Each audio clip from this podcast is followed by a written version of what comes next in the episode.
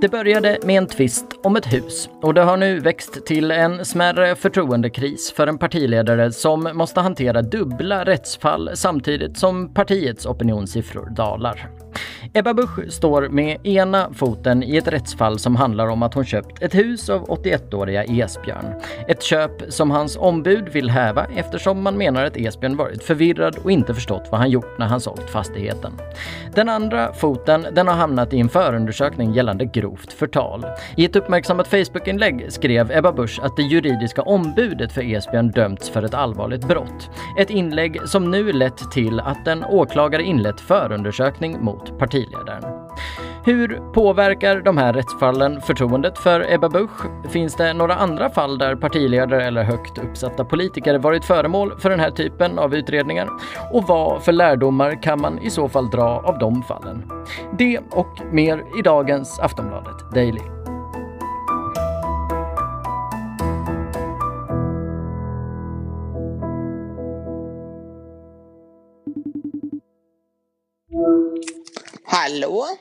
Och idag så har vi med oss Lena Melin, återkommande gäst här i podden och inrikespolitisk kommentator här på Aftonbladet. Och vi börjar med att låta henne reda ut vad det är som har lett fram till att åklagare nu öppnat en utredning om grovt förtal. Förundersökningen som Åklagarmyndigheten har bestämt sig för att inleda mot henne för grovt förtal beror på att hon har skrivit ett inlägg på Facebook, på sin egen Facebook-sida om en, en jurist. Denna jurist företräder eh, den man som hon har, vill köpa ett hus av och som har ändrat sig, eh, som inte längre vill sälja sitt hus till henne. Alltså Esbjörn 81 företräds av den jurist som eh, Ebba Busch har skrivit illa om på sin Facebook-sida. Historien om Ebba Buschs husköp har blivit en följetong i medierna. Utspelen från partiledaren och 81-åriga Esbjörns ombud har avlöst varandra. Hon menar att allt gått rätt till och Esbjörns ombud menar att Esbjörn har kognitiva svårigheter och därmed inte förstått vad han gjort när han sålt fastigheten. Den 2 mars möttes parterna för första gången i rätten för att se om det skulle gå att nå någon förlikning. Men när Ebba Busch mötte pressen några timmar senare hade man inte hittat någon lösning. Det finns ett bud att ta, att ta ställning till och eh, jag kan inte spekulera i vad, vad svaret blir där utan nu får det lov att gå några dagar och jag tycker som sagt att samtalen har, har varit konstruktiva idag men, men jag vågar inte säga om vad, vad svaret blir. Ingen lösning alltså. Men om man får tro Ebba Busch så verkade det alltså som att det kanske skulle kunna gå att lösa inom kort.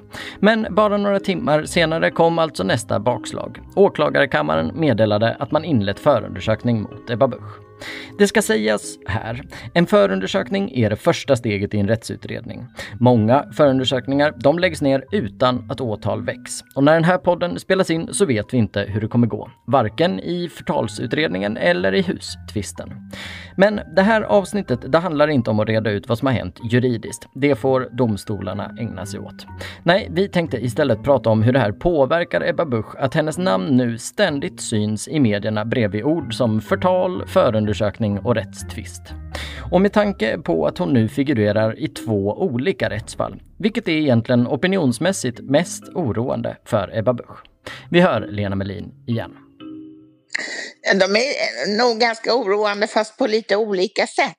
När det gäller, eh, om vi tar hustvisten först, eh, den som så att säga är ursprunget till den här eh, förundersökningen om grovt förtal så är det så att det verkar ju inte som Ebba Busch har gjort något fel. Eh, utan tvärtom eh, så har hon skött eh, nästan by the book.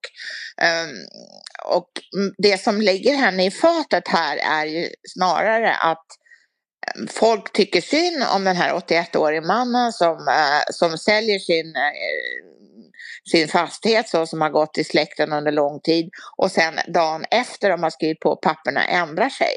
Och det vill inte Ebba Busch acceptera. Då framstår hon lite som inte den, det, det äldres goda vän som Kristdemokraterna vill vara, utan snarare som väldigt istadig och en riktig paragrafryttare. Så det är dåligt på det sättet.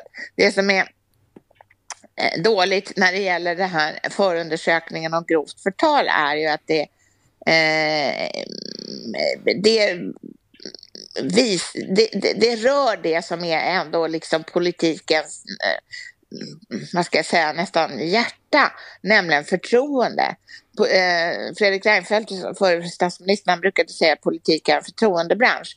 Och här handlar det om, har Ebba Busch visat prov på så dåligt omdöme att hon till och med har begått en olaglig handling genom att skriva ner en människa på Facebook. Eh, så de, in, ingen av dem är bra, eh, utan båda är dåliga fast på olika sätt.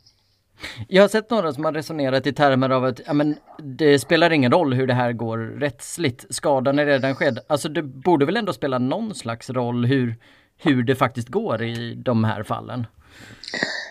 Ja, det gör det absolut. Om det visar sig, för det första, eh, om vi tar husköpet först även i detta resonemang, så är det så att eh, Ebba Busch och Esbjörn kan ju fortfarande komma överens.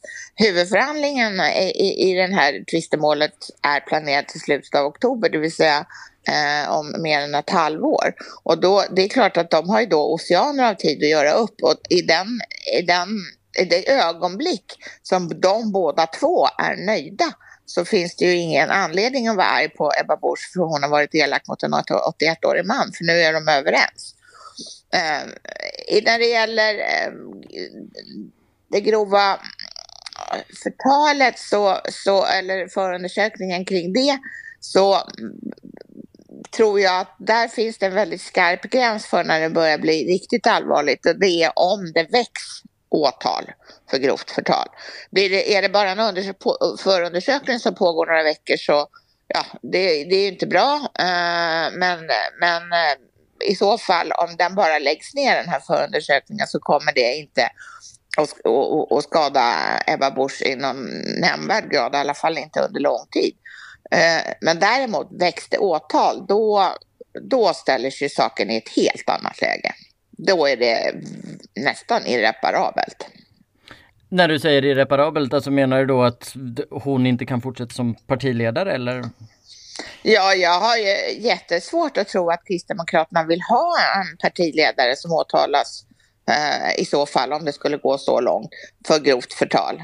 Um, det, det, det, handlar ju liksom om, uh, också lite om Kristdemokraternas kärnvärden. De vill ju vara hyggliga människor som, som, uh, som så att säga ser, ser positivt på, på sina medmänniskor och försöker hjälpa dem som har det svårt. Inte som några som skriver skit om andra på Facebook. Jag tänker rent historiskt, alltså, finns det några fall att jämföra med där den här liksom högt uppsatta politiker varit föremål för ja, den här typen av brottsutredningar? Jag har verkligen rannsakat min minne och det enda jag har kommit på som överhuvudtaget liknar det, det är Gudrun Schyman som eh, 2003, det uppdagades i början av 2003 att hon hade trixat lite med sina deklarationer. Alltså hon hade dragit av för utgifter som hon redan hade fått betalt från av riksdagen. Eh, alltså typ resor och sånt. Och ehm, eh, det ledde i sin tur till att hon eh, till att det startades en förundersökning om skatte, skattebrott mot henne. Men också att hon avgick som eh, partiledare för Vänsterpartiet. Så att där hann inte den rättsliga processen eh, ta slut så att säga under hennes partiledartid utan bara, bara det att en vänsterpartiledare försökte liksom tillskansa några eh, kronor genom att mm, inte, inte göra, göra, göra korrekta deklarationer räckte för att hon skulle få avgå. Men det blev heller inget åtal. Det, men det berodde på att Gudrun Schyman erkände att hon hade gjort det här så att hon fick ett straffföreläggande på 50 dagsböter. Om vi återvänder till fallet Ebba Busch, alltså hela historien, man pratar om huruvida det, det, här kommer att bli ett sänke för KDs opinionssiffror eller om det redan är ett sänke för KDs opinionssiffror. Alltså det här handlar ju ändå om privata angelägenheter. Borde man liksom inte skilja på dessa och ja, partiets politik? Ja, det bästa för Kristdemokraterna hade ju varit att de redan från början försökte dra en rågång och, och, och, och, och påpeka att Ebba Busch husaffärer är, någon, eh, har, är endast Ebba Busch ansvarig för.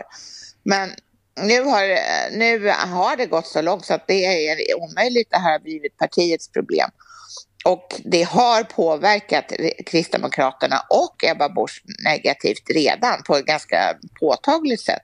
Tidigare var hon en av de partiledare som hade högst förtroende eh, bland väljarna. Men i den ligan har hon så att säga, eh, ja, inte rasat men i alla fall halkat ner betänkligt. Och när det gäller stödet för partiet så har det minskat också ganska mycket. Inte om man jämför med valresultatet på 6,3 procent. Ehm, som ju var en oerhörd framgång för, för eh, Kristdemokraterna. Men nu i den senaste sammanvägda opinionsmätningen mellan en massa väljarbarometrar så var stöd 4,4, så väldigt nära 4-procentsspärren. Det är precis som du säger här, där har ju oundvikligen blivit sammanblandat mellan Ebba Buschs privata angelägenheter och partiet. Alltså vet vi någonting om hur snacket går inom partiet kring det här? Alltså uppslutningen bakom Ebba Busch Thor är ju stor. Hon ledde partierna, eh, eh, Kristdemokraterna till sitt första vinstval på väldigt många år, 2018. Och det var ju till stor del hennes förtjänst för att hon slet ju som en varg eh, för att, eller slet som en hund säger man, för att så att säga föra partiet i mål som, som med fler mandat i riksdagen än de hade haft innan. Och hon lyckades. Att hennes ställning i Kristdemokraterna är ju jättestark. Och jag tror den är ännu inte rubbad inom partiet. Det kunde man se till exempel på eh, KD i Stockholm och anklagar nu Socialdemokraterna för att, vara, för att ligga bakom trollfabriker som sprider skit om eh, Ebba Busch. Och det, det kanske de gör, det har jag absolut ingen aning om. Men det är ju inte så att stödet för henne sviktar i den viktiga Stockholmsregionen kan man säga. Mm. Vi kan ju se på våra läsare och lyssnarsiffror att det verkar ju eh, finnas ett otroligt intresse kring det här. Alltså, vad, vad, vad tror du egentligen? Vad, vad, är det i den här historien som, som drar så mycket intresse till det?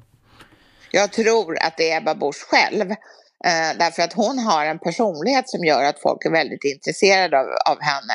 Hon är, mm, hon är ung, hon är framgångsrik, hon är bitsk, hon eh, värjer inte för konflikter, eh, hon eh, beter sig, hon går på fest mitt under coronarestriktionerna och hon går sin egen väg. Hon är en spännande person. Jag tror faktiskt att det är det som är, det är förklaringen. Om vi avslutningsvis blickar lite framåt, alltså hur tror du att det här kommer att utveckla sig? Ja, jag tycker det är omöjligt att förutse för att eh, Ebba Busch verkar ju verkligen övertygad om att hon har gjort precis allting rätt.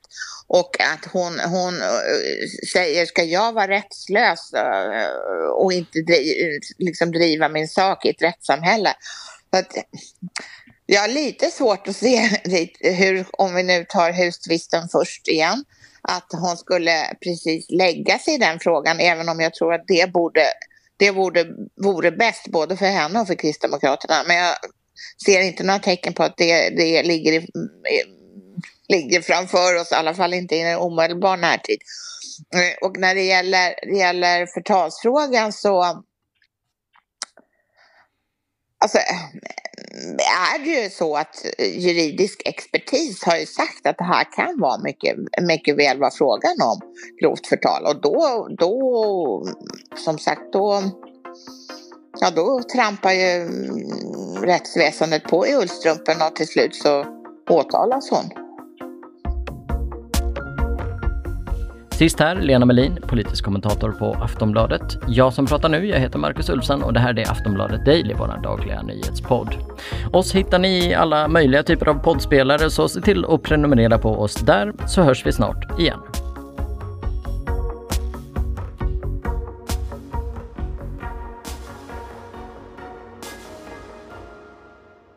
Du har lyssnat på en podcast från Aftonbladet. Ansvarig utgivare är Lena K Samuelsson.